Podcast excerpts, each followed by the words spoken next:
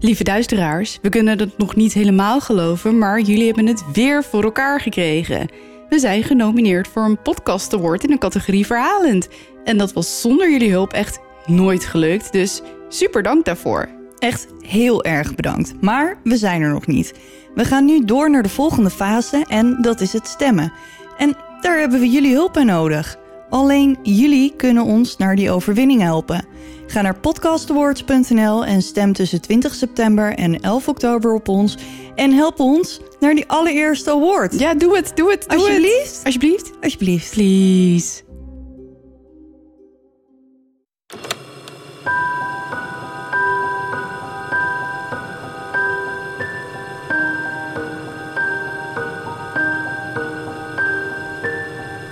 Dit is Duister. Een podcast waarin je wordt meegenomen naar het onbekende, het onbegrijpelijke. Zwarte bladzijden van de geschiedenis komen voorbij. Hier hoor je de verhalen achter moord, doodslag en onverklaarbare gebeurtenissen. We kruipen in de hoofden van een serie moordenaars, heksen, mythische wezens. Luister. En huiver duister. Hoi duisteraars. Hallo. Hallo, leuk dat iedereen weer luistert. Welkom bij een nieuwe aflevering. Yes, nummer 13. 13. Hij gaat vlot, man. Hij gaat heel vlot. ik had echt niet verwacht 13, ik wilde zeggen 13 weken geleden, maar dat klopt niet helemaal. dat klopt niet helemaal. Want de eerste twee kwamen om de twee weken uit. We zijn nu drie maanden onderweg, denk ik. Ja, zoiets. Het is best een hoop gebeurd in drie maanden. Zeker. Want we hebben gewoon het Veronica Magazine gehaald. Ja, echt. Ik, Even. ik, ik viel echt bijna om Ja, ik toen ook. ik het... eh, Nou ja, jij stuurde mij een WhatsAppje, want we hebben zo'n appgroep van de Duister. En jij zat en ik las alleen maar kapitalen en ik dacht, wat, wat is hier gebeurd? Hel- Help, er gaat iets heel erg mis. maar het was jouw foto. ja, van, het, eh, van de pagina. Ja, Want ik heb een... eh, we wisten dit dus ook helemaal niet van Nee. tevoren. En ik heb zelf de Veronica magazine niet. ik ook niet. Ehm, Ondertussen wel. on- ja, ondertussen wel. Maar ik heb een hondenclubje. En daar laat ik iedere dag mijn honden mee uit. Of mijn eigen hond en iedereen zijn hond. Mhm. Ehm, en gisteren kwam eh Loek, hoi Loek, ik weet dat je luistert, Hallo. ehm, naar me toe. En die had een papiertje bij zich en die geeft hij aan me. En ik zie zoiets van podcast toppers. En toen dacht ik, oh, hij gaat me een, eh, een nieuwe podcast aanraden of zo. Dus ik ging lezen en toen zag ik ineens Duister de podcast. toen dacht ik echt, wat? Wauw, echt. Ik wist niet wat me overkwam. Ik wist ook niet hoe snel ik er een foto van moest maken. En naar, die kreeg ik dus. ja, naar DAF en het spook moest sturen. Ik was echt een beetje overdonderd. Jij kreeg gelijk een paniekaanval. Ja, wat nou als we echt beroemd worden? Daar ben ik helemaal niet klaar voor, joh. ik denk niet dat ik daar ooit voor klaar voor zal zijn. Maar goed. Nee, maar het- we zijn... En de tekst was ook gewoon echt heel leuk. Ja, dat was goed geschreven. Dus ik ook- eh, dank daarvoor. Eh, Ik weet niet wie je bent, maar bedankt Nou ja. eh, dat je ons misschien getipt hebt of... in de spotlight hebt gezet. Precies, super cool. Oké, dan kregen we een nieuw invulformulier. Ja, En dat ging met de vraag over of we het misschien over ehm, New Orleans en een voodoo-priesteres die daar eh, in de, nou ja, een tijdje geleden, ik weet niet precies welk jaar het allemaal, gaan we nog opzoeken, ehm, meisjes vermoorden. Eh, maar wij dachten, wow, wow, wow, wacht even, dit, dit kennen wij allebei. Zij was een moordenares en er- ze heeft eh, last van de spoken gehad. Dus misschien wordt dit wel een nieuwe special. dat zou zomaar kunnen. Dus ehm, ja, gaan we doen, maar niet vandaag. Nee, DAF heeft wat anders bedacht. Ja, maar het stond toevallig, gaan we wel dezelfde richting uit. Ja, Dus dat schijnt zo te zijn. Ik weet niet wat we gaan doen vandaag. Ja, ik weet wel wat ik zelf ga doen. Oh Maar ja, dat lijkt me handig. Ja. Dus nou ja, dat is eh, nog, eh, nog een ding. En dan ehm, gaan we zo beginnen. Maar heb jij een teaser voor ons? Nou, terwijl jij dus net dit aan het zeggen was, was ik aan het nadenken over een teaser. dat was ik even vergeten. Tuurlijk. Hè? Ehm, even denken. Twee is erger dan één, Oh, oké. denk denk ik. Zo even uit mijn mouw geschud. Nou ja, het ligt natuurlijk helemaal aan de situatie. Ja, nou, dat zullen we dan eh, zo wel Ik zien. ben heel benieuwd. Maar eh, wil jij nog wat zeggen voordat je gaat beginnen? Eh, ja, ik denk het wel. Want sommige mensen die schrikken nogal van onze geluidseffecten. Nou, kleine waarschuwing, in deze aflevering zitten ze ook. Ja, dus ehm, misschien gewoon overdag luisteren Ja, of zo. het valt allemaal wel mee. Komt goed, mensen. Veel plezier. Veel plezier.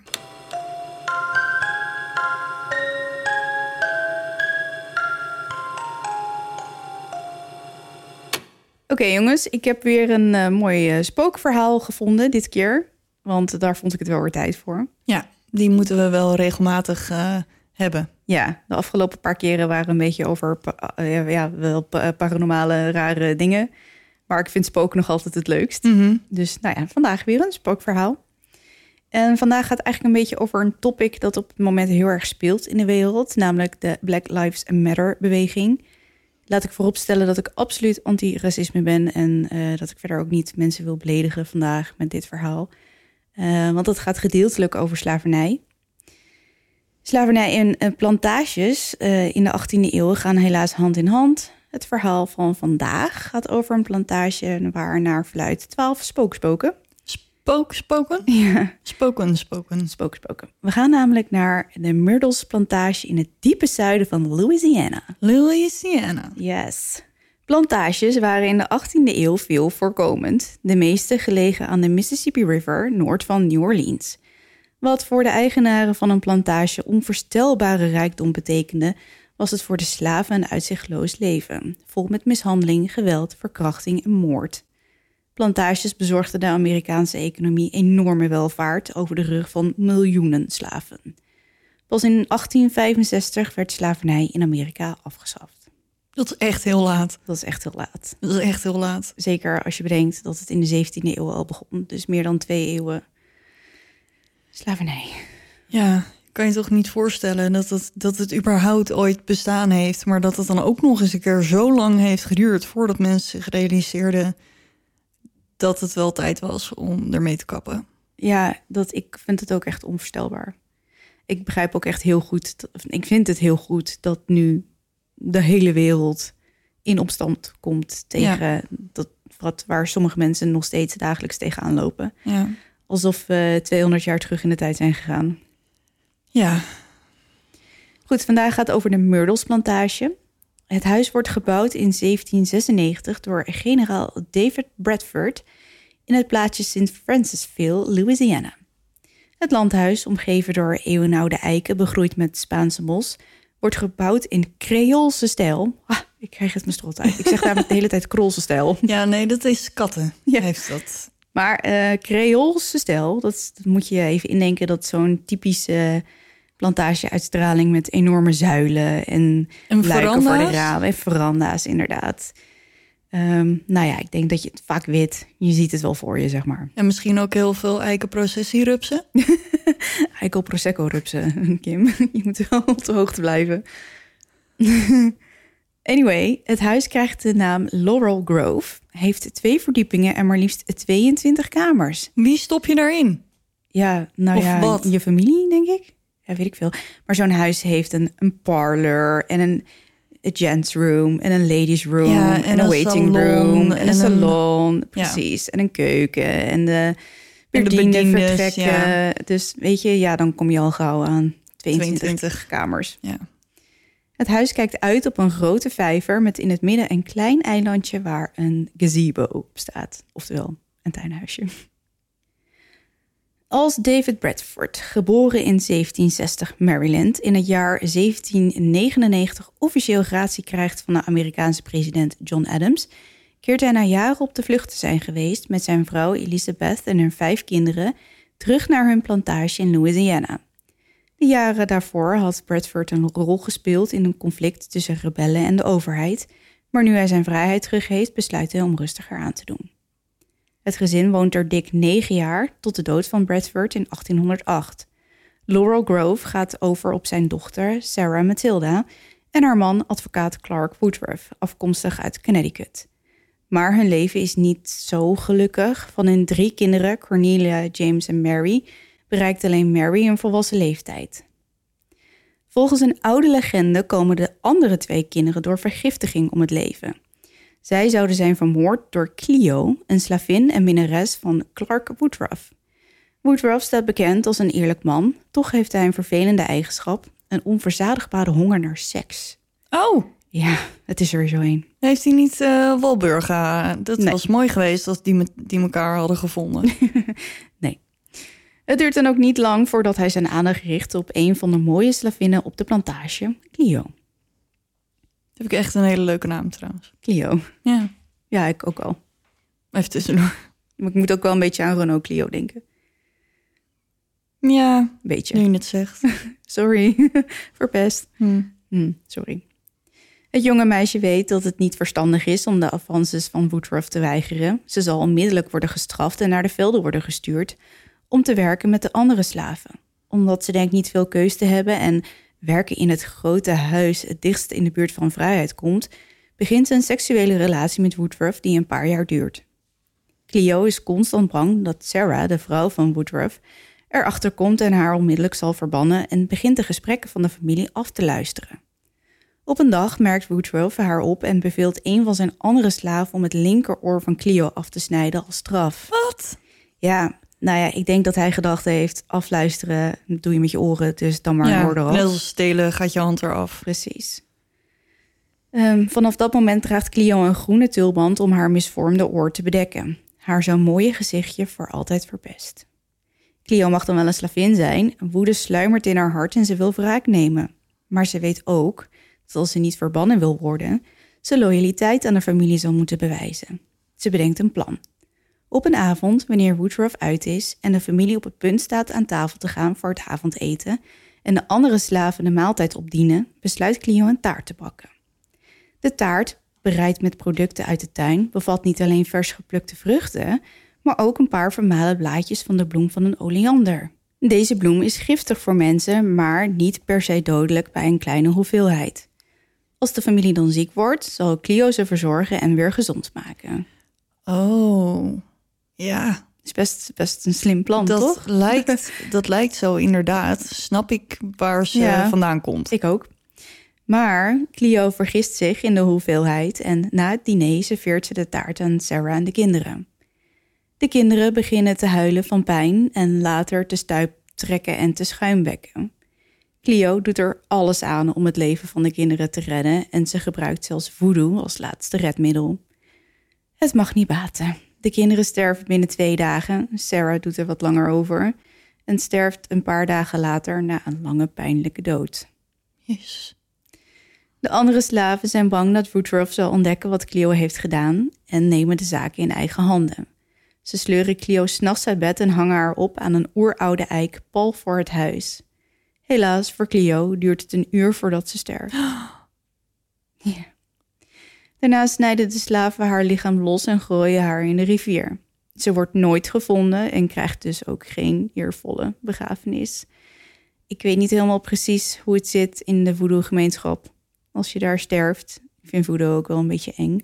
Ehm, ik weet niet of dat het is, maar die associatie heb ik ermee.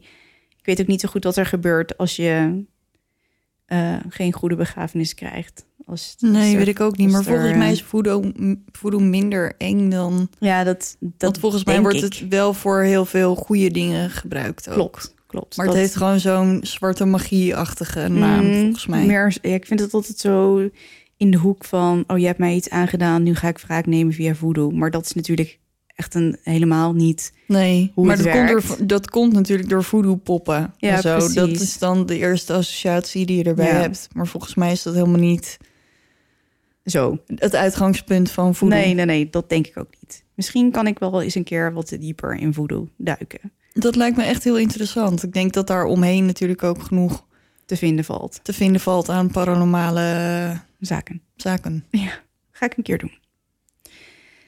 Terug naar Clio. Het huis, nu, deze tijd, Ja. is een eh, bed and breakfast. Gezellig. Ja, je kan er ook heen. Eh, maar daar later meer over. maar eh, het huis krijgt nog regelmatig bezoek van Clio. S'nachts zien mensen dat het vliegennet om hun bed omhoog wordt getild. En ze zien een donkere figuur met een groene tulband. Aha. naar zich staren. Ook er is er een foto gemaakt van de veranda waar een zwarte gestalte te zien is die een tulband draagt. Dus gewoon een soort van schaduwpersoon met... Ja, ik heb de foto. Eh, je kan het echt wel een beetje zien. Dat is wel cool. Het lijkt echt alsof er iemand staat met een tulband. Nou, ik ben heel benieuwd. Ja, ik ga hem uploaden. Ook hangt er in het eh, grote huis een spiegel met een prachtige sierlijst.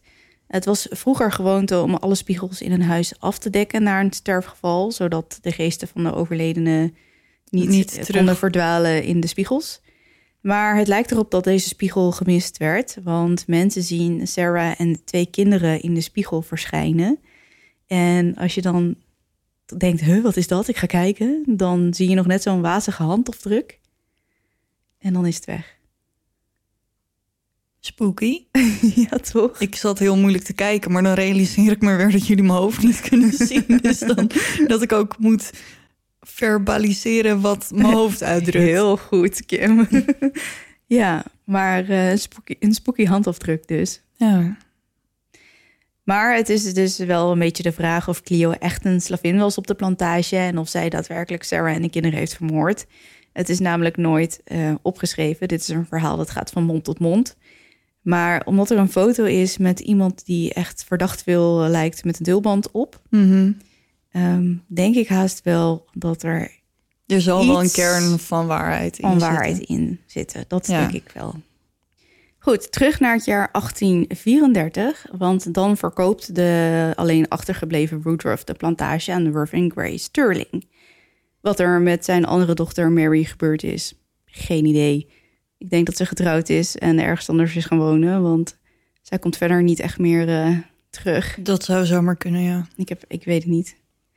Eh, maar goed, Sterling dus. Sterling heeft al een aantal plantages aan de andere kant van de Mississippi River.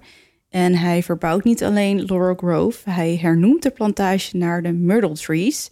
In het Nederlands een myrteboom. Ik weet niet of je weet hoe die eruit zien. Ik kan het me zo niet even voor de geest halen. Ja, dat is zo'n boom die zeg maar begint aan de, zoals iedere boom, aan de onderkant en dan eh, één dikke stam, maar die split zich dan in een heleboel andere stammen.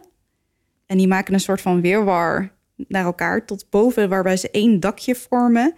En het is eigenlijk een beetje zo'n moerasboom, Oh ja, weet je wel? ja. Een beetje typisch. Zo'n mangrove-achtig. Ja, ding. daar lijkt het wel een beetje op. Nou, dat is dus een myrteboom. Dat wist ik ook niet. maar die groeien daar op het terrein. Dus vandaar de naam Myrtle. Samen met zijn vrouw Mary neemt hij het huis over met al het land en de bijgebouwen en inclusief de slaven op 1 januari 1835. Maar na slechts vier jaar sterft Sterling aan tuberculose en laat alles aan zijn vrouw na Mary. Mary lijkt behoorlijk behendig in het runnen van de plantage en in de buurt noemt men haar nog capabeler dan haar wijle man. Stoer. Ja, dat is wel een beetje een hard-ass woman, deze vrouw.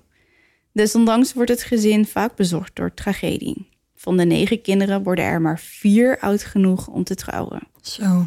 De dood lijkt de plantage te overspoelen. De oudste zoon, Louis, sterft in hetzelfde jaar als zijn vader. De opzichter wordt tijdens de burgeroorlog op de veranda vermoord. Tijdens een overval worden er twee bandieten gedood in het huis. De oorlog zelf richt grote schade aan de plantage en aan de familie Sterling. Veel van de persoonlijke bezittingen worden geplunderd en vernietigd door soldaten van de Unie en de rijkdom die ze hebben verzameld blijkt uiteindelijk waardeloos in zuidelijke valuta. Tot overmaat van ramp heeft Mary zwaar geïnvesteerd in de suikerplantage die nu door de oorlog wordt geteisterd.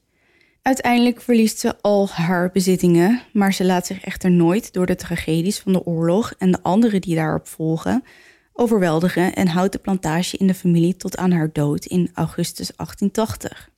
Dus ze heeft nog best lang geleefd. Ja, want Zo- het was 34 dat ze het kochten. 35 dat ze erin gingen. Ja, klopt. Dat is gewoon nog 50 jaar volgehouden. Ja, Zo. dat is best lang hè? Een Ja. hele oorlog doorstaan en tuberculose en weet ik veel, allemaal ellendige dingen. En ze zitten daar best wel in het moeras. Ook dat Dus nog, dan ja. mhm, muggen en zo, krokodillen, dingen. Nou ja. Ja. Eh, maar goed, ze wordt begraven naast haar man op in het. Ik moet ik zeg op, maar het is natuurlijk in het familiegraf. In de Grace Church in St. Francisville. Maar we gaan nog even een stukje terug. Tijdens de oorlog huurt Mary advocaat William Drew Winter in, de echtgenoot van haar dochter Sarah, om op te treden als haar privéadviseur en om haar te helpen de plantagegronden te beheren. Ook geeft hij les aan studenten die graag advocaat willen worden. Maar kort daarna treft het noodlot de familie opnieuw.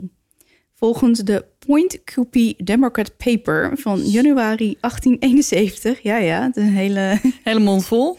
de Point Coupee Democrat Paper. Check. Dat ging best soepel.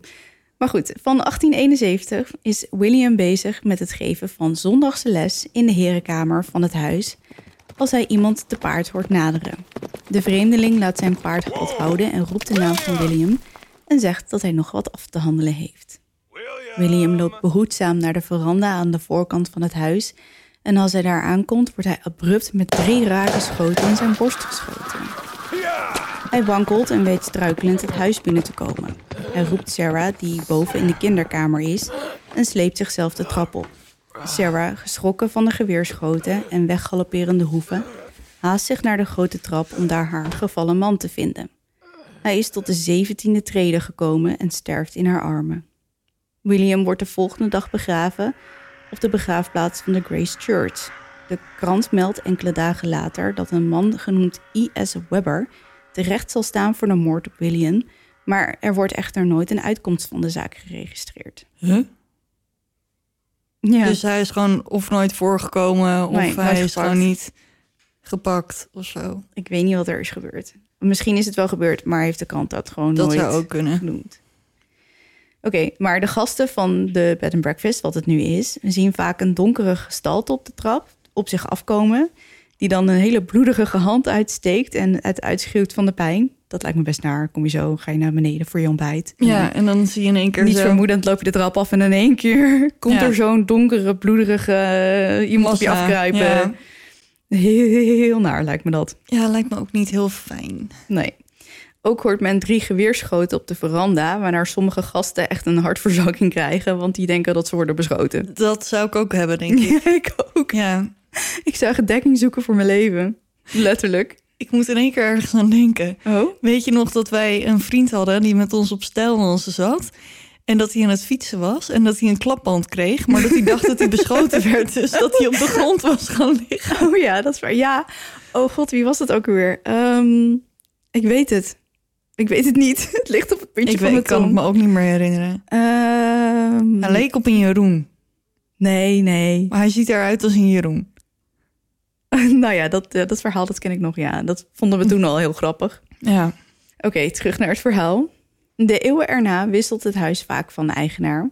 De huidige eigenaren Tida en John Moss hebben al aardig wat paranormale dingen meegemaakt. Tida vertelt het zelf. We wisten dat het er spookt, maar ik geloofde echt dat het een slechte grap was. Maar ondertussen heb ik zoveel verhalen gehoord. Ik was vooral onder de indruk van een journalist. Dus ik dacht, de journalist. welke Dit- journalist? dit ga ik even opzoeken. In 1984 bezocht een journalist van het tijdschrift Life de plantage om te schrijven over de architectuur van het 222 jaar oude huis. Hij wist niet dat hij ook nog over iets anders zou schrijven, namelijk geesten.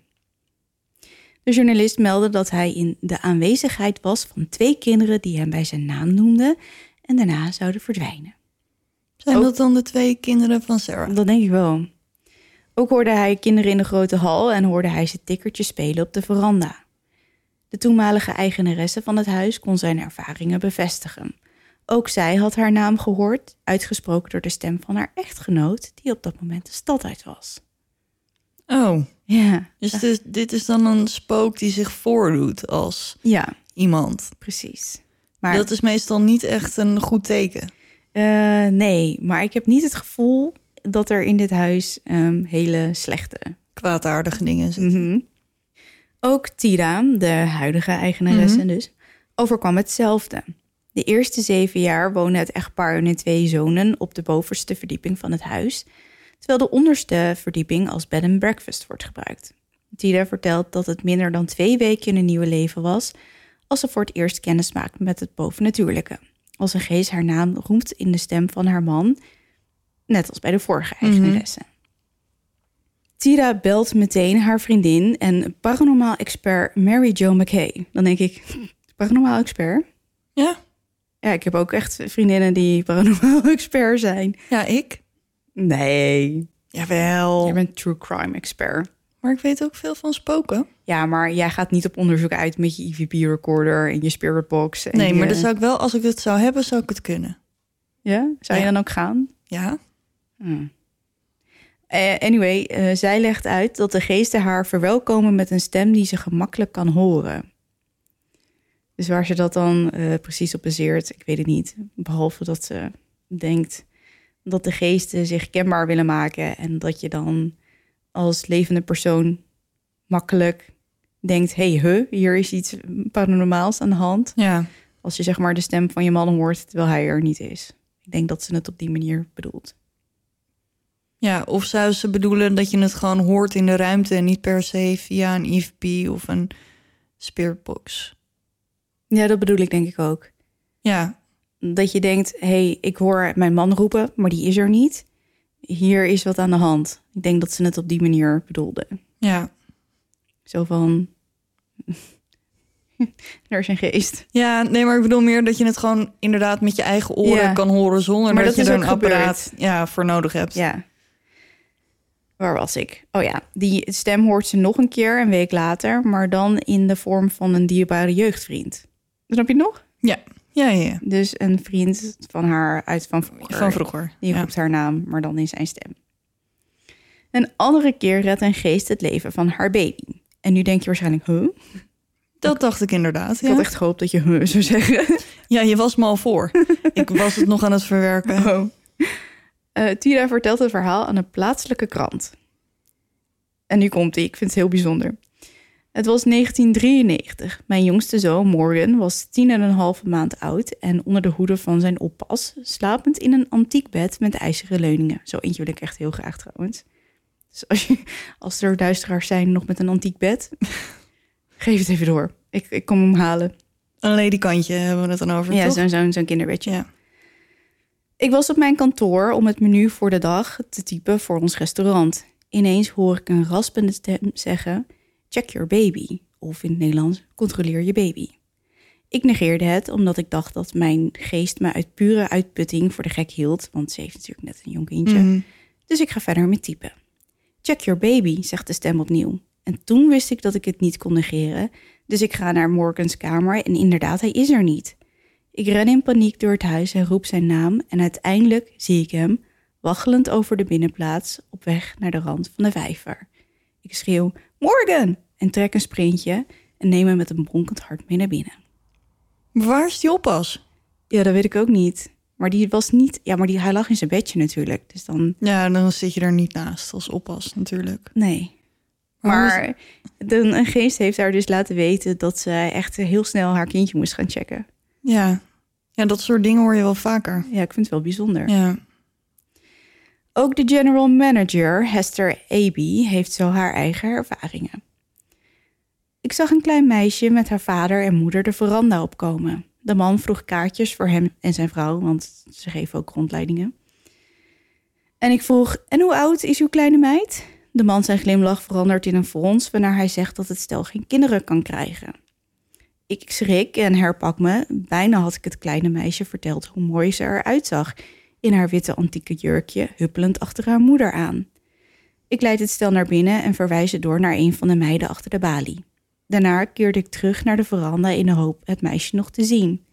Ik zag haar niet meer en wilde me net omdraaien als ik ineens hoor: Hello there! Ik zag haar op de veranda en even later is ze verdwenen. Ik moest glimlachen en ging weer naar binnen. Maar dat is toch super sneu voor die mensen die dus blijkbaar geen kinderen willen krijgen. Maar dat er dan wel zo'n klein meisje is. Ja, maar ik denk dat het misschien een van de kinderen van Sarah is geweest. Dat zou kunnen. Ik, weet je wat ik hoop dat het is? Nou, Dat ze misschien... Dat die mevrouw toch eigenlijk of zwanger was al. Per ongeluk. Of spontaan meer. ja. En dat ze dus meer een soort van blik in de toekomst had. Wauw, dat is wel diep. Ja, dat hoop ik dat het is. Dat ik zeg zou niet, kunnen. Maar, Maar ehm, en nou moet ik wel zeggen, ze had een antiek jurkje aan. mhm. En er is een foto gemaakt. Dit niet bij dit stel, maar bij een ander stel. Waarbij je een meisje ziet in de weerspiegeling van het raam met een antiek jurkje aan. Ik Oké. ga deze foto uiteraard posten. Ja. Ehm, maar ik, ik, ik, ik, snap, ik snap je punt. Ik was gewoon hoopvol. Ja, maar ik ben bang. Ja, ik weet het niet. Misschien. Ik weet het niet. Is het ze toch nog gelukt? Ik hoop het wel. Ik hoop ze. het heel erg voor ze. Maar het zou zo fijn zijn als het dat geweest was. Maar Ja, we kunnen ervan uitgaan dat het niet zo was. nee. En dan eh, heb ik nog een laatste toevoeging. Een tijdje geleden is er tijdens een eh, renovatie een bloedvlek. Nou ja, bloedvlek. Een vlek in een- de vorm, in het silhouet van een mens. Op een muur aangetroffen. En die krijgen ze niet weggepoetst. Dus waarschijnlijk is het bloed. En nu denkt men dat er nog een moord is gepleegd in het huis. Maar niemand weet hoe, wanneer, wie, Wie? het was, wat er gebeurd is. Dus er is nog een mysterie toegevoegd aan dit huis. En ik hoop dat we erachter komen wat er gebeurd is. Ja, Maar ik moet zeggen, ehm, er is niet heel veel eh, opgeschreven in dit huis eh, door de eeuwen heen. nee, het zijn meer gewoon verhalen die Ja, gewoon van generatie op generatie Precies, overgaan. van mond op mond. Er zijn niet echt eh, certificaten waarin bevestigde overlijdens zijn. Dus dat vind ik wel jammer. Ik hou ervan als het echt bewezen is. Ja, in ieder geval dat degene waarvan je denkt dat ze er gewoond hebben, daar ook Ja, precies. echt gewoond hebben. Maar goed, je kan er dus heen, je kan er slapen. Het is een bed and breakfast.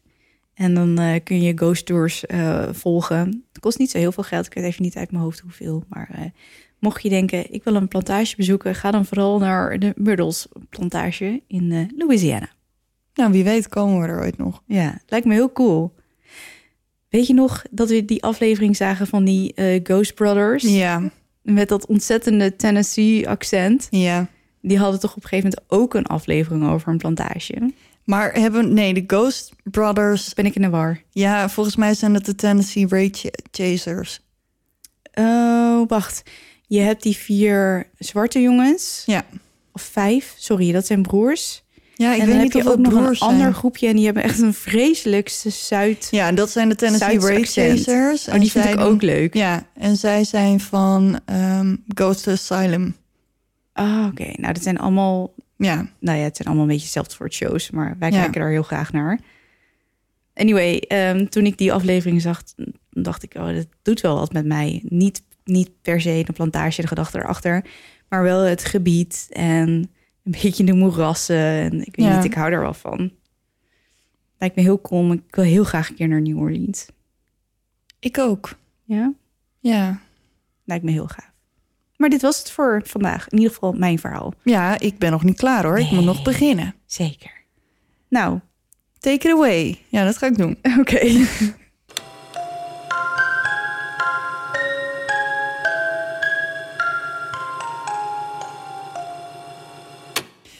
Vandaag heb ik een mysterie en een moord in één.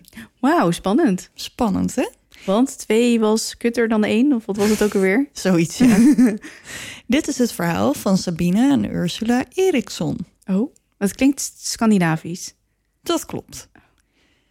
Ik ga je nu vertellen over hun jeugd. Waar, waar ik niet zoveel over kon vinden, maar ze Oh. komen inderdaad uit Zweden. Oké. Ja, ze worden geboren op eh, 3 november 1967 en ze groeien op in een plaatsje genaamd Sun. Sun. Of Sunne. Ik spreek geen Scandinavisch. Sunne. Ik spreek geen Scandinavisch. Zoiets, denk ik. Ja. Eh, ze zijn dus een tweeling en een identieke ook nog. Oh, wauw. Ja. In 2000 besluiten Sabina en Ursula beide Sun te verlaten. Ursula verhuist naar Amerika en Sabina vertrekt naar Mallow in Ierland. Oh, Ja, en hier ontmoet ze haar toekomstige man en krijgen ze samen twee kinderen. Maar een tweeling die uit elkaar besluit gaan. Meestal blijven die altijd een beetje plakken, toch? Bij ja, elkaar. wat ik ervan begreep, en dat zeg ik, ik kon er niet zo heel veel over vinden. Maar ze schijnen niet zo'n hele typische tweelingband gehad te hebben. Hmm. Van dat je Niet niet zo dat als zonder de elkaar kan. de teen stoot, dat de ander 50 kilometer verderop eh kapot Ja. gaat van de pijn. Ja. Oké, nou ja, dat kan ook natuurlijk. Ja, ik weet niet. Ik ken, ik wilde zeggen, ik ken geen tweelingen, maar dat is niet waar. Ik ken een tweeling, ik ken een drieling. Ik niet. Ik ken geen... Nee, ik ken geen tweeling. Niet persoonlijk. Ja, ik wel. Mijn buurmeisjes zijn tweeling. Mijn buur, buurjongens zijn drieling. Ja, dat is wel bijzonder, ja. Nou. Goed. Ondanks dat ze ver bij elkaar vandaan woonden, hielden ze wel contact. Ze belden vaak en gebruikten social media. Ze zien elkaar jaren niet, totdat Ursula besluit Sabina op te zoeken in Ierland. Op 18 mei 2008 komt ze aan in Mello en voor het eerst in acht jaar zien de zussen elkaar weer in levende lijven. Het is niet bekend waarom Ursula juist nu, na al die jaren, op bezoek komt. Volgens de partner van Sabina wijken de zussen geen seconde van elkaar zijde vanaf het moment dat Ursula is geland. We weten niet waarom, maar op dezelfde avond dat Ursula is geland, begint Sabina in het geheim een tas in te pakken. Samen verlaten ze het huis midden in de nacht en gaan met de veerboot van Ierland naar Liverpool, Engeland. De man van Sabina en de kinderen laten ze in Ierland achter. Die hebben geen idee waar ze naartoe zijn. Wacht even, dus die twee zussen, Ja, die pakken een tas in... en die nemen s'nachts de veerpont...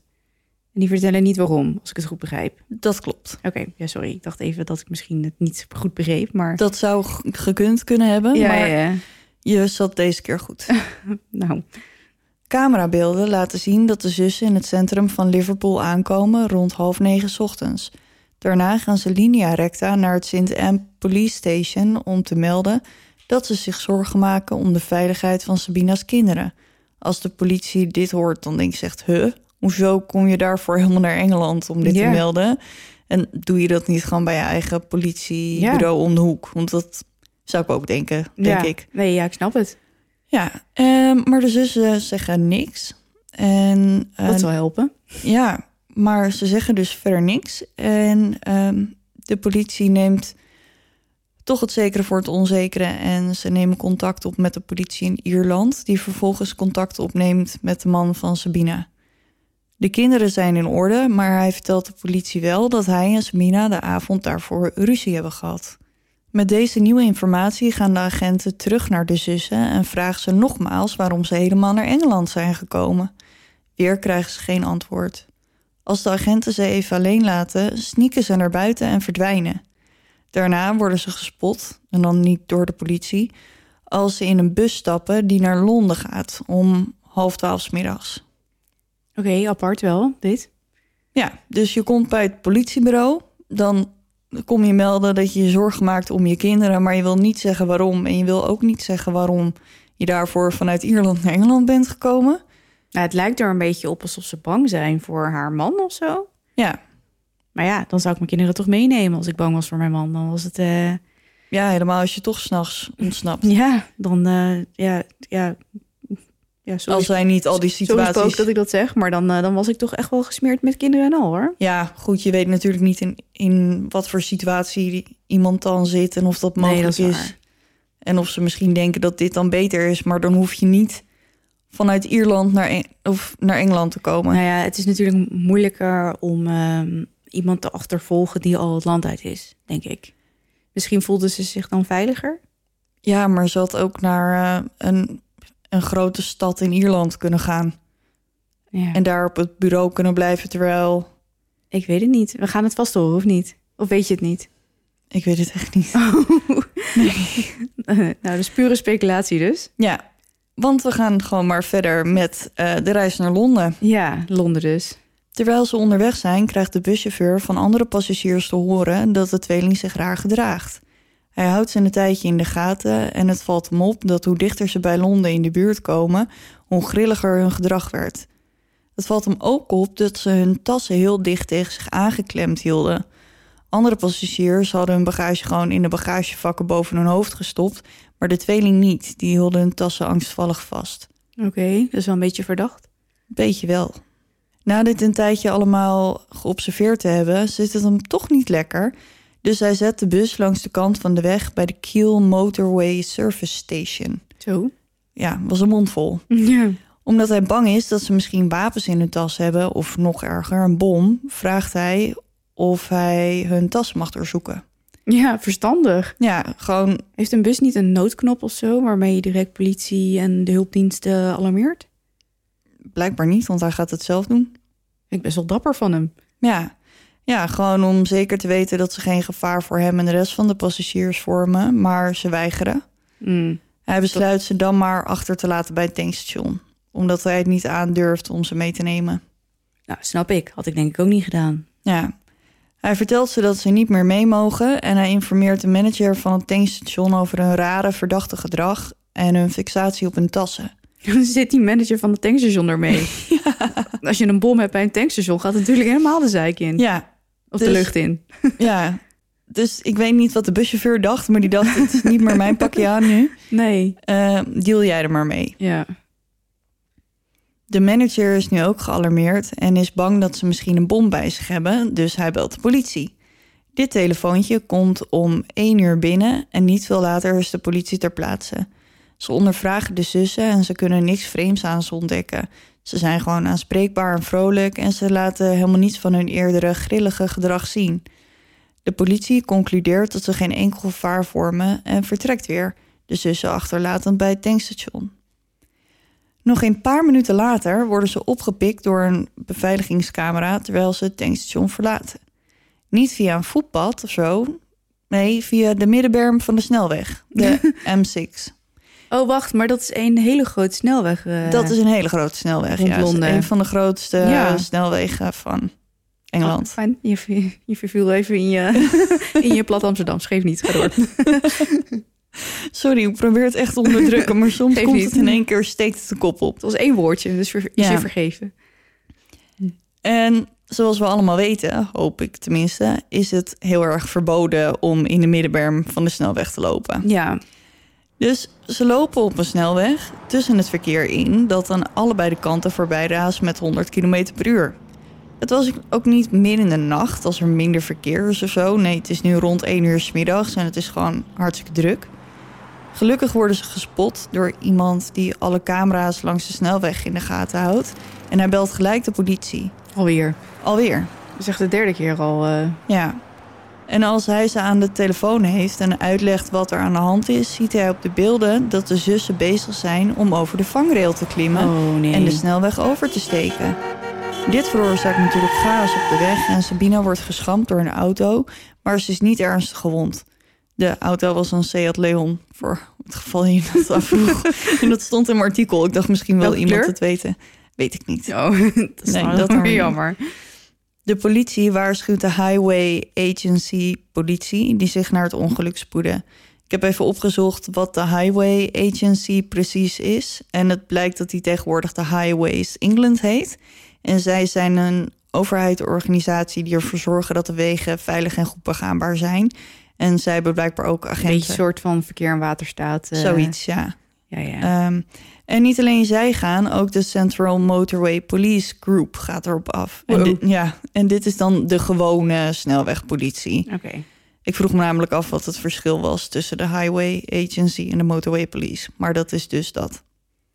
Anyway, als de Motorway Politie aankomt, worden ze gevolgd door een kleine crew cameramensen die bezig waren met het filmen van een nieuwe reality-serie van de BBC, Motorway Cops. Oh, Je hebt het vast wel eens eh, zo'n programma voorbij zien komen. We hebben het ook in Nederland. Wegmisbruikers is Oh, ja, bijvoorbeeld ja, ja, zo'n programma.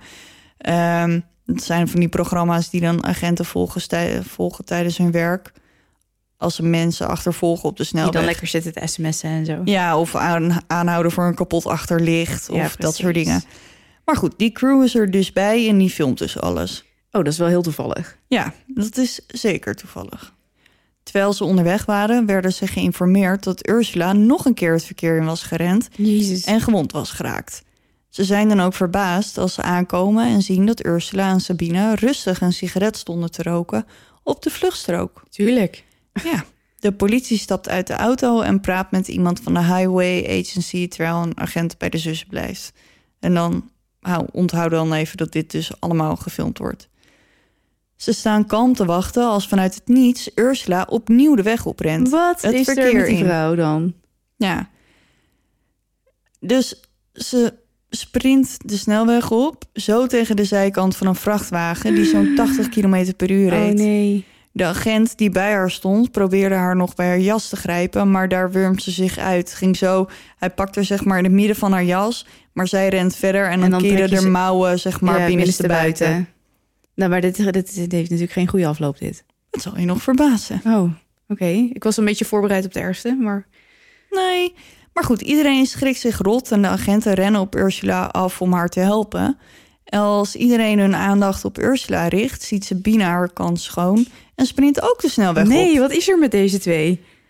Ze wordt volgeraakt door een Volkswagen Polo die harder reed dan een vrachtwagen die haar zus raakte. En hoe bizar ook, beide zussen overleven het. Jeetje. Ja, je zou denken dat als je met zulke hoge snelheden geraakt wordt, dat het dan wel afgelopen is. Maar de zussen overleven het dus. Ursula is er het slechtst aan toe. Haar benen zijn verbrijzeld door de voorwielen van de vrachtwagen. Sabina was ook gewond en lag ongeveer 15 minuten bewusteloos op de weg. Ze is echt geraakt door de voorkant van de Volkswagen. Oh, nee. De Vooruit vooruit, een oplawaai gehad van heb ik jou daar. ja, de vooruit van de auto is gebroken en er zit een deuk in het dak. En dit zie je dus ook allemaal op de beelden. Dus je ziet Oh, ook heftig. dat zij... Ja, je ziet niet dat zij zeg maar van de voorkant geraakt... maar je ziet haar zeg maar op de auto vliegen. Wow. Wat een trauma voor iedereen, zeg. Ja, ja. Eh, Ik onder- ben echt... Ja, sorry hoor. ik ben echt... wa- Wat bezielt je? Ik ben heel benieuwd naar de afloop van dit verhaal. Want er moet iets zijn waardoor deze twee dames beide dachten dat het een, goed, idee, was om de snelweg over te steken. Ja. Er zijn nu meer mensen gearriveerd bij het ongeluk die helpen met het regelen van het verkeer en mensen die zich ontfermen over de tweeling. Nu heeft de politie de kans om rustig in de tassen van de tweeling te kijken, want ze zijn nu ook op de hoogte gebracht van de andere meldingen die ze gehad hebben over de vrouwen. Er zat alleen maar helemaal niet zoveel boeiends in de tassen. Een paspoort, een laptop, een pakje sigaretten en een paar mobiele telefoons. Ik weet alleen niet hoeveel een paar is. Want waren het er dan twee of waren het er, weet ik veel, zes? Dat kon ik nergens vinden. Hm. Goed, terwijl ze wachten op de ambulance komen alle twee de zussen bij. En zodra ze hun ogen hebben, proberen ze weer te vluchten. Wat? Hoe ga je dat doen met verbrijzelde benen dan? Ursula komt alleen niet zo ver, want die heeft twee verbrijzelde benen en interne bloedingen. Maar Nee. dat houdt haar niet tegen. Terwijl ze op de grond ligt, spuugt ze naar de agenten en probeert ze te krabben. En ze schreeuwt: Ik herken je. Ik weet dat je niet echt bent. Wat? Ja.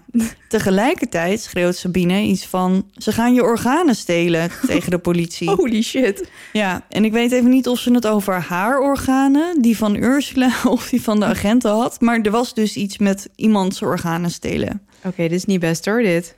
Nee. De agenten die bij Sabina is, probeert haar te kalmeren. Want hallo, ze is net geramd door een auto. Ja, doe even chill zo. Ja, ze is bang dat ze haar verwondingen erger maakt. Dus ze probeert ervoor te zorgen dat ze rustig blijft liggen. Helaas heeft het geen effect, want Sabina staat op en zet het weer op een rennen... terwijl ze schreeuwt dat de politie niet echt is. De agenten gaat haar gelijk achterna en probeert haar te grijpen... maar Sabina slaat haar en ze valt op de grond. Sabina springt over de vangrail in de middenberm... en stormt zo de andere rijbaan op... waar het verkeer gewoon nog doorrijdt. Nee. Ja, gelukkig reageerden de bestuurders snel en trapten ze op hun remmen, zodat Sabine er zonder nieuw ongeluk vanaf komt. Agenten proberen haar weer te arresteren, maar dat lukt pas als omstanders zich ermee gaan bemoeien en helpen te houden. Er is zes man sterk voor nodig om Sabina weer naar de andere kant van de snelweg te krijgen, terwijl ze probeert te ontsnappen en in het rond schopt, ondertussen schreeuwend om hulp. Als ze haar eindelijk aan de overkant hebben, is de ambulance gearriveerd en krijgt Sabine een injectie om haar te kalmeren toegediend. Dat eh, lijkt me een goed plan eh, in dit geval. Ja, maar die heeft gewoon. Tot drie keer toe de snelweg oprennen. Maar Ja. dan heb je al een soort van doodswens, denk ik. Ja, ik geen idee. Ik weet niet hoe ik het anders moet zeggen. Nee. Want anders dan doe je dit niet. Ja, je kan dit dus allemaal zien op YouTube en het is echt bizar. Het moment waarop Ursula tegen die vrachtwagen rent, eerst zie je haar gewoon staan en dan ineens smeert ze hem. En dan dus nog de aanrijding van Sabina. Mhm. Er is trouwens geen bloed te zien, dus als je daar niet tegen kan, maar je wil dit wel gewoon zien, Ja. dan kan je het dus gewoon kijken. En ze zijn niet dood, dat scheelt. En ze zijn inderdaad ook niet dood. En als Sabina bijkomt, zie je haar eerst een beetje verdwaasd om zich heen kijken. En nog geen drie seconden later staat ze op en zet het op een rennen. Het is echt. Wow. Je ziet er echt gewoon een beetje zo van links naar rechts en een beetje zo. "Huh, wat is er aan de hand? Oh ja, wacht. Ja, en dan gaat ze gewoon weer. En als ze haar met z'n zessen wegdragen, is het net alsof ze een soort van superkrachten heeft. Zoveel moeite hebben ze om haar in bedwang te houden. Gewoon met zes man sterk. Adrenaline misschien. Dat zou kunnen, ja. En volgens mij kan dat, doet het hele rare dingen met je. Dat is zeker waar. Je hoort toch ook van die verhalen dat moeders auto's optillen om een kind te bevrijden en zo. Of omstanders en zo. Dus dat kan inderdaad wel. Oké, de zussen gaan alle twee naar een ander ziekenhuis. Ursula gaat naar een ziekenhuis met een goede traumaafdeling voor haar verwondingen. En Sabina gaat naar een lokaal ziekenhuis dichterbij. Als de tweeling onderweg is naar het ziekenhuis, begint de politie met bedenken wat er aan de hand zou kunnen zijn met de vrouwen. Was het drugs? Was het een zelfmoordpact? Ze weten het niet.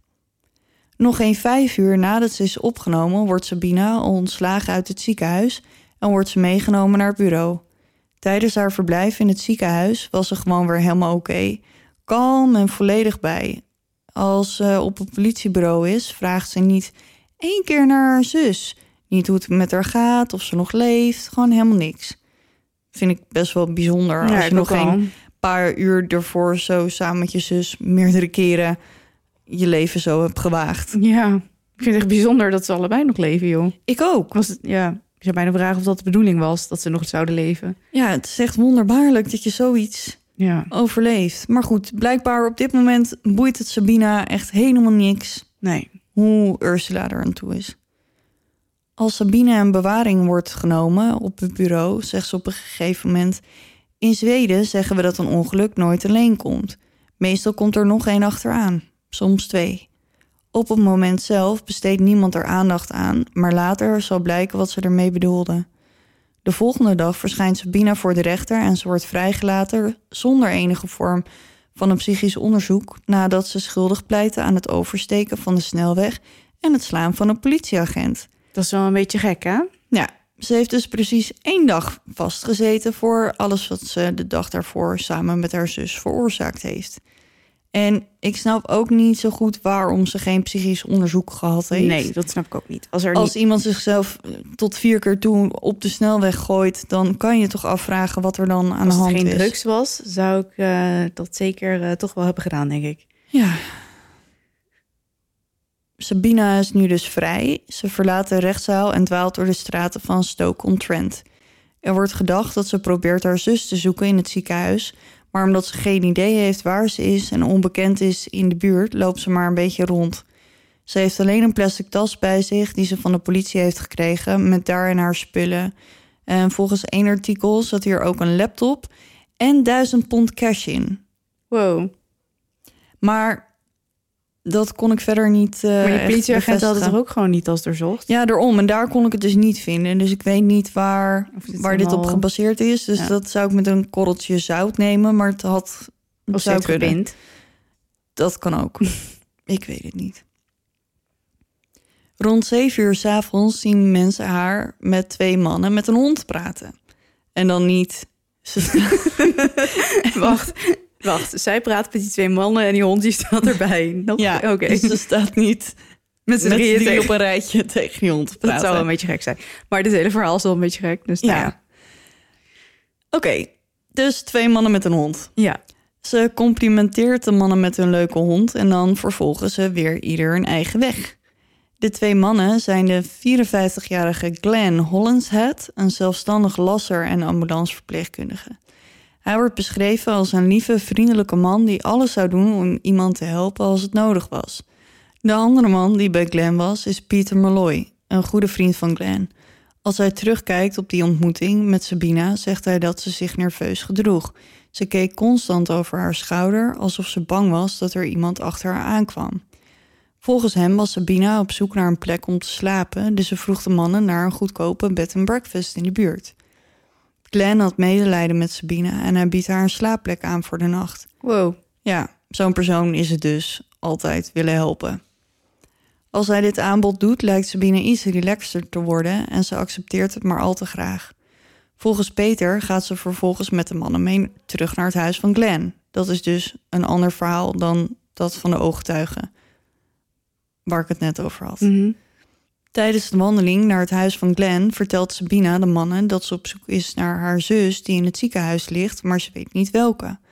Wat ze echter niet vertelt is waarom haar zus daar ligt en wat ze in de dagen daarvoor heeft uitgespookt. En ze noemt haar familie in Ierland ook niet. Want Sabina is dus degene die in Ierland woont Mm. met haar man en kinderen. Bij Glenn thuis aangekomen drinken ze met z'n drieën een drankje en Sabina begint zich weer vreemd te gedragen.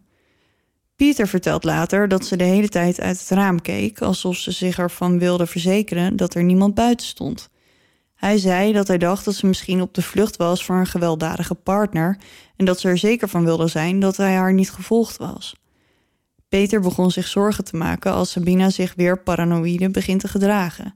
Ze biedt de mannen een sigaret aan, maar zodra ze die in hun mond steken, grist ze de sigaretten terug en ze zegt dat de sigaret- sigaretten vergiftigd zijn. Deze vrouw is heel, eh, heel erg in de war. Ja. En nou ja, dat vonden de mannen best vreemd, aangezien Sabina al de hele avond uit datzelfde pakje aan het roken was. Dus Mhm. waarom zouden dan nou net die twee Ja. vergiftigd zijn? Hoe, hoe kan je een sigaret vergiftigen, overigens? Ja, je kan er van alles inspuiten natuurlijk. Ja, dat is waar. Rond middernacht heeft Peter er wel genoeg van, want hij voelt zich helemaal niet meer op zijn gemak met Sabina's Nee. gedrag. En hij gaat op huis aan, gewoon naar zijn eigen huis, want het zijn dus vrienden en geen Mm. partners.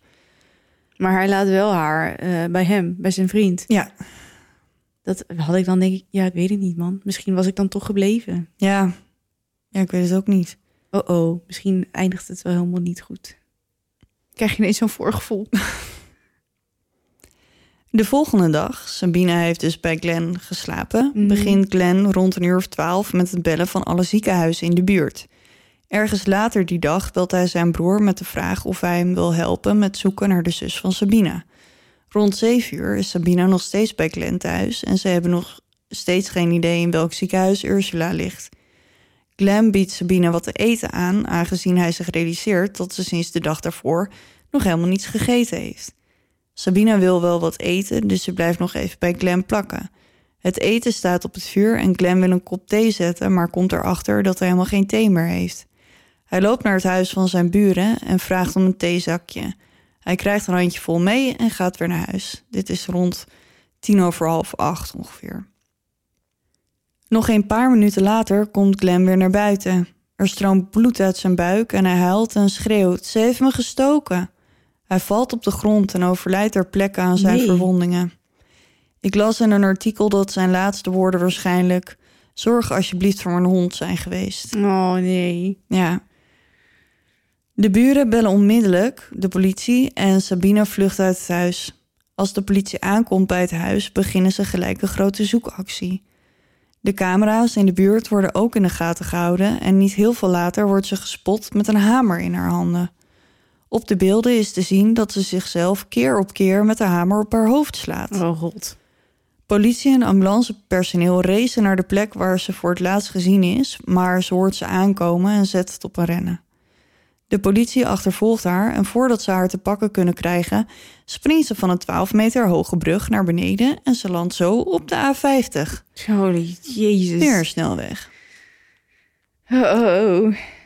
Deze keer breekt ze allebei haar enkels en ze loopt een schedelbreuk op, maar ze leeft en ze is bij kennis. God, god, god. Hoeveel geluk kan een mens hebben? Nou, echt hoor. Ja. Ze wordt meegenomen naar het ziekenhuis en deze keer gaat de politie met haar mee. Nou, dat lijkt me een goed idee, ja. Ja. Op 6 juni wordt Sabina officieel gearresteerd en drie maanden later, op 11 september, wordt ze ontslagen uit het ziekenhuis. Ze is redelijk hersteld, maar heeft nog steeds een rolstoel nodig. Als ze uit het ziekenhuis komt, wordt ze gelijk meegenomen door de politie en opgesloten voor de moord op Glenn. In dezelfde maand is Ursula hersteld van haar verwondingen en zij gaat terug naar Amerika, waar ze haar gewone leven weer oppakt. Tuurlijk. En die zus die Ja, niet zo...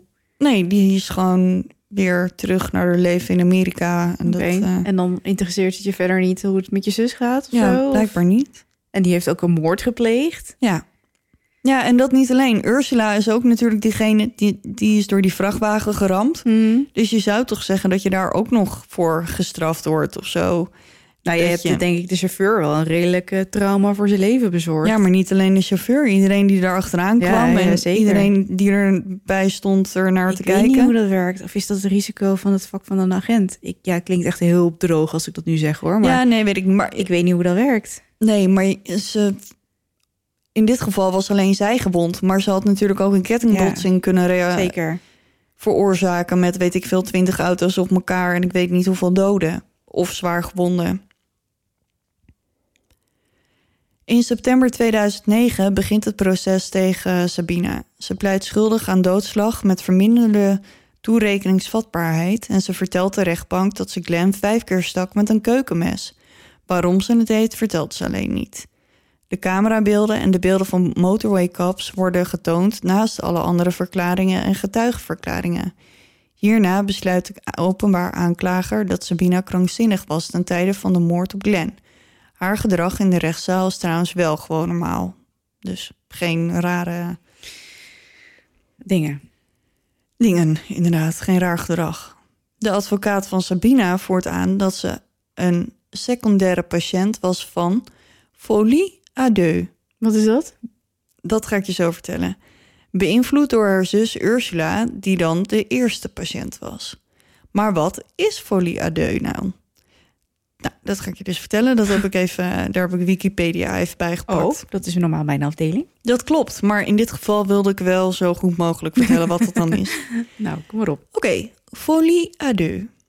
Gedeelde psychotische stoornis, Oh, wacht, sorry. Dit ken ik wel. Maar vertel maar. Inductiepsychose, folie à deux of geïnduceerde waanstoornis is een psychische aandoening. De aandoening ontstaat bij mensen die een relatie hebben of nauwe banden onderhouden met iemand die al psychotische symptomen vertoont, waarbij wanen op de voorgrond treden. Deze laatste, doorgaans dominante persoon, wordt de primaire casus of inductor genoemd. Het hebben van gedeelde hallucinaties is zeldzaam, maar niet onbekend. Gedeelde psychotische stoornis komt het meest voor in relaties van twee personen, maar kan bijvoorbeeld ook in gezinssituaties optreden. Als het contact met de inductor wordt verbroken, verdwijnen de symptomen doorgaans. Aangenomen wordt dat de stoornis iets vaker bij vrouwen voorkomt, maar er zijn nog weinig onderzoeksresultaten beschikbaar. In de rechtszaal vertellen ze dus dat Ursula op het moment dat ze aankwam in Ierland leed aan een zeldzame psychiatrische aandoening, waardoor ze stemmen hoorde die ze niet kon verstaan. Oh. Sabina bevestigde dit. De rechter sluit de zaak af met de volgende woorden. Dit is een quote van de rechter. Ik begrijp dat deze straf voor de nabestaanden van de overledene volkomen ontoereikend zal zijn. Ik heb echter veroordeeld op de grond van het feit dat de reden voor de moord een geestesziekte was en daarom is de schuld van de beklaagde laag en is de straf die ik heb gegeven bedoeld om de samenleving te beschermen. Het is niet bedoeld om het verdriet van de familieleden weer te geven of om de waarde van het leven van meneer Hollenshead te meten. Geen enkele straf kon dat doen. Sabina leed aan waanvoorstellingen waarvan ze dacht dat ze waar waren en ze dicteerde haar gedrag. Het is niet een van die gevallen waarin de verdachte iets had kunnen doen om de tragedie te voorkomen. Sabina krijgt een celstraf van vijf jaar opgelegd. Ze zit haar tijd uit in de Bronzefield vrouwengevangenis. Voor de rechtszaak bracht ze al 439 dagen door in hechtenis en deze tijd wordt van haar straf afgetrokken.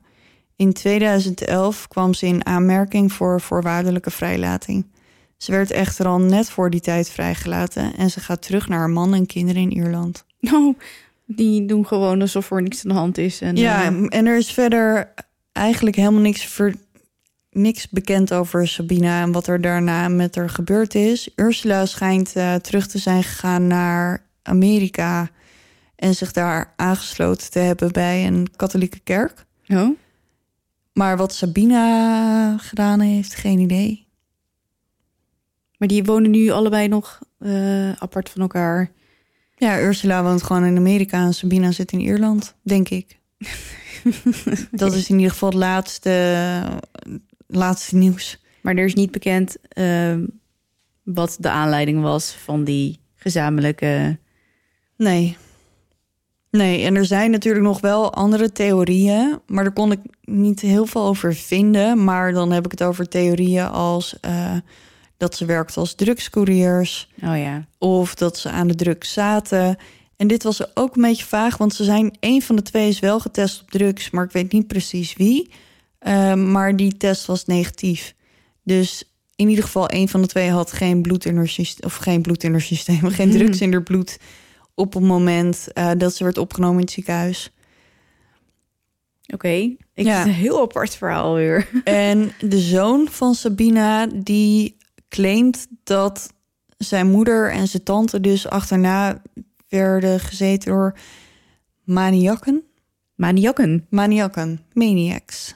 Oh, maar in Ja. hun hoofd zeker, want... Ja, want dat is het dus. Want ze, zien, ze zijn dus te zien op de beelden van, de, van het tankstation. En daarna Mhm. worden ze opgepikt door die ehm, camera's boven de snelweg. Ja, Maar er is dus niemand te zien die ook maar bij ze in de buurt is. oké. dus ze worden niet letterlijk achtervolgd. Ja.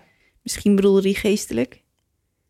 Nee, Nee. nee. Volgens mij had, had hij het over maniacs die probeerden om ze te verkrachten. Wow, dat is ook Zoiets. niet helemaal goed hoor. Ja, en ehm, dan is er ook nog een theorie. En die vind ik heel erg eh, ver gezocht. Nou, moet ik zeggen dat ik het wel heel interessant vind. Dus hij staat op mijn lijstje. Maar ik weet niet, heb je wel eens van MK Ultra gehoord? Nee. Oké. Nou ja, er, zijn dus, er is ook een theorie dat ze gebruikt werden voor MK Ultra. En dat ze daardoor zo Maar wat is dat dan? Ik weet niet of ik het moet zeggen, want dan spoiler ik misschien gelijk iets. Oh, Maar goed, het heeft wel het ook klinkt met, een beetje als een geheime beweging of zo. het heeft wel met drugs te maken ook. Oh, oké. En Amerika. Goed, ik ben heel benieuwd nu. Ja, dus nou ja, de meest ja, folie à deux. Dus, Folio D. Wat, eh, wat een eh, interessante... ja, een rollercoaster toch? Maar wow, ik zie gewoon die vrouwen die snelweg oprennen. Ik ga zo gelijk even kijken. Nou ja, niet... Nee, ja, het klinkt alsof ik echt een sensatiezoeker ben. Maar Ja, maar het is gewoon, gewoon echt ook- bizar. ja, Het is gewoon echt, echt zo en ook zo toevallig dat het dan net gefilmd wordt en dan ja, het is wel een eh, rare samenloop van omstandigheden ja. inderdaad. Dus ik zet hem. ehm, Ik ben vooral heel erg benieuwd naar het waarom. Hoe, hoe hebben deze twee dames dit zo... Want daarvoor, toen ze elkaar weer zagen na acht jaar... ja. Het is nou niet zo dat ze langere tijd... eh, Oh, Emily begint met spelen. Jeetje, weet je wat ze heeft? Ze heeft een, een pilonnetje van de kleine te pakken. Zo'n Lego dingetje. Maar wat wilde ik nou zeggen nog? Ben je klaar? Ja, dat is inderdaad die avond gelijk al. Ja, dat, het jaar. zo, dat het zo misliep toen. Ja, maar ze geloven dus dat toen Ursula in Ierland aankwam, dat zij dus al die psychotische baantoestand had. Ja. En dat zij dus daarmee Sabina heeft aangestoken. Maar dat is dan snel gegaan. Ja, en supersnel gaan. Maar wat, wat ik dus hier niet van begrijp, is dat zegt dat stukje in Wikipedia ook. Ik snap dat, zeg maar, tot het moment dat ze alle twee in het ziekenhuis belanden, snap ik het. En dan zeggen ze ook, nou, Sabina werd ook gewoon rustig, dus die mocht na vijf uur al naar huis. Maar Ursula, dan is de, de afstand tussen hen is gewoon groot. ja, Zijn ze niet meer in elkaars invloed? Ursula ligt drie maanden in het ziekenhuis. Maar nog geen tien uur later of 24 uur later is Sabina dus in haar eentje en steekt ze dus Glenn dood. Dus ik snap niet helemaal als zij dan de tweede patiënt is en Ursula is dus De eerste. de eerste en zij zeg maar de aanstichter tussen haakjes, terwijl die in een ziekenhuis ligt en ze zijn dus niet bij elkaar.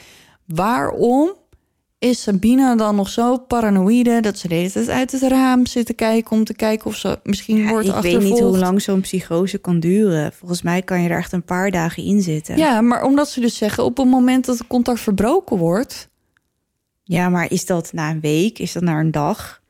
volgens mij is dat dus best wel snel. En ook, want Sabina heeft natuurlijk ook nog een tijdje op een politiebureau gezeten. En daar was ze ook gewoon beetje grapjes aan het maken, want daar zijn ook beelden van. Ik en dan staat ze in haar misschien, ziekenhuisjurk in het eh, politiebureau. Ja, misschien is ze stiekem gewoon een moorddadige vrouw. Ja, ik weet het niet. Ja, ik weet Sommige, ik heb wel eens een. ehm, ik weet echt niet meer over wie het gaat of hoe die persoon heette. Maar die, die fakte dus een eh, psychische aandoening nadat hij een moord had gepleegd. Mhm. Zo ontzettend goed. Iedereen geloofde het. En hij had iedereen ervan overtuigd dat hij echt een, eh, een psychische ziekte had. Ja. En ehm, hele rechtszaak, ik weet niet meer wie dit is, sorry. Hele rechtszaak geweest. Eh, man wordt eh, tussen aanhalingstekens vrijgesproken, want hij was ontoerekeningsvatbaar en het was zijn ziekte. En hij is nog een week vrij en hij doet het gewoon opnieuw. Ja. Ja. En die was, die was dus, die had alles gefaked. Ja. Maar zo goed dat iedereen erin was getuind. Dat ja, kan die, dus. die zijn er dus inderdaad ook. Maar Ja. ik vraag me dus gewoon af dat er... Ik weet het, misschien had zij dat ook. Dat ze gewoon Dat kan. Maar Of ja, aan dat de andere iedere kant... keer weer teruggleed en er dan weer even een beetje uitstapte in die psychose. Misschien dan, ik, weet niet zo goed. Ik, Ik denk gelukkig. niet dat je, dat je zoiets, dat je daar in en uit kan stappen. Ik weet het niet. Wat ik ervan begrijp is dus dat als je niet bij elkaar in de buurt bent, dat je dan, Dan is het gewoon klaar. dan is het gewoon prima. Dan wordt de spel, zeg maar, ja, verbroken. verbroken. en dan... Nou, ik vind, het- ik vind wel... eh, ik, je hebt altijd van die bijzondere verhalen, ja. Ja. ja, dat is mijn specialiteit. Nou man, dat is wel mijn weer best gelukt voor. van deze keer. Ja, dus ik ben heel benieuwd wat jullie denken. Ja, ik ook wel. Vinden jullie folie deux een ehm, plausibele theorie? Of is het wel drugs? Of, Was het drugs? of was het MK Ultra? Of waren het maniakken? Of maniakken? Laat het ons even weten. Ja, op de socials. Aha, Ik ga ze gelijk even pluggen. doe dat. Instagram, het Duistere Podcast. Facebook.com slash Duistere Podcast. Heel goed, Kim. Goed, hè, ik leer het wel. Of gewoon even zoeken op Duistere Podcast. YouTube, we hebben weer, weer vier nieuwe subscribers. Wow, wow, wow. Ja, het, het zijn er nu denk ik 25. Nee. Oh, dat Ja, gaat echt... het gaat echt eh, best wel hard. Dus- jij, jij houdt echt YouTube in de gaten. Ik ben Ja. meer de Instagram. Ja, maar ik krijg ook gewoon de mailtjes binnen. Iedere Mhm. keer dat ik een subscri- subscriber erbij krijg. Subscriber. Ja, dus YouTube ook gewoon Duistere Podcast. En de website natuurlijk, duisterepodcast.nl. Met alle foto's en linkjes. En ons invulformulier. Zeker. Nou, zullen we er een einde aan breien? Ja, de dertiende. Ja. Ik moet zeggen, ik had gedacht dat, het, eh, dat er rare dingen zouden gebeuren tijdens deze opname. Maar valt mee. Behalve dat ik aan het begin... beetje- Wat is dat? er vliegt hier ineens iets door de kamer heen.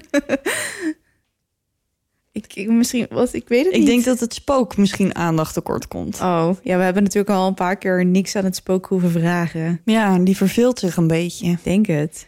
Misschien moeten we een keer een Q&A doen. En wat? Een Q&A?